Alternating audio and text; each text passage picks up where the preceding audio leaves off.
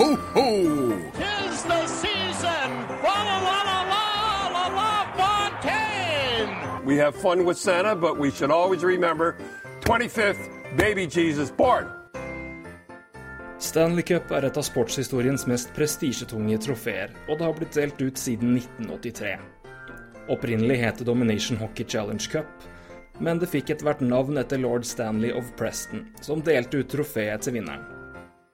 Siden 1915 har det blitt delt ut etter en årlig finale, og på 100 år har det kun vært to ganger trofeet ikke har blitt delt ut.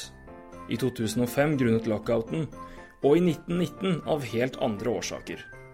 Og det er det jeg skal fortelle om i dag. For i 1919 ble finalen mellom Montreal Canadiens og Seattle Metropolitans rett og slett kansellert.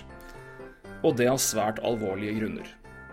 1919 var nemlig året da spanskesjuken rammet Nord-Amerika hardest, og Seattle var en av byene som ble rammet aller verst. Og under finaleserien mellom Canadians og Metropolitans ble begge lag rammet av epidemien. Flere spillere havnet på sykehus, og Montreal Canadiens-spiller Joe Hall døde. Og tragedien førte til at serien ble avsluttet etter kun fem kamper. Fem år senere, i 1924, var Canadiens tilbake i finalen og vant Stanley Cup.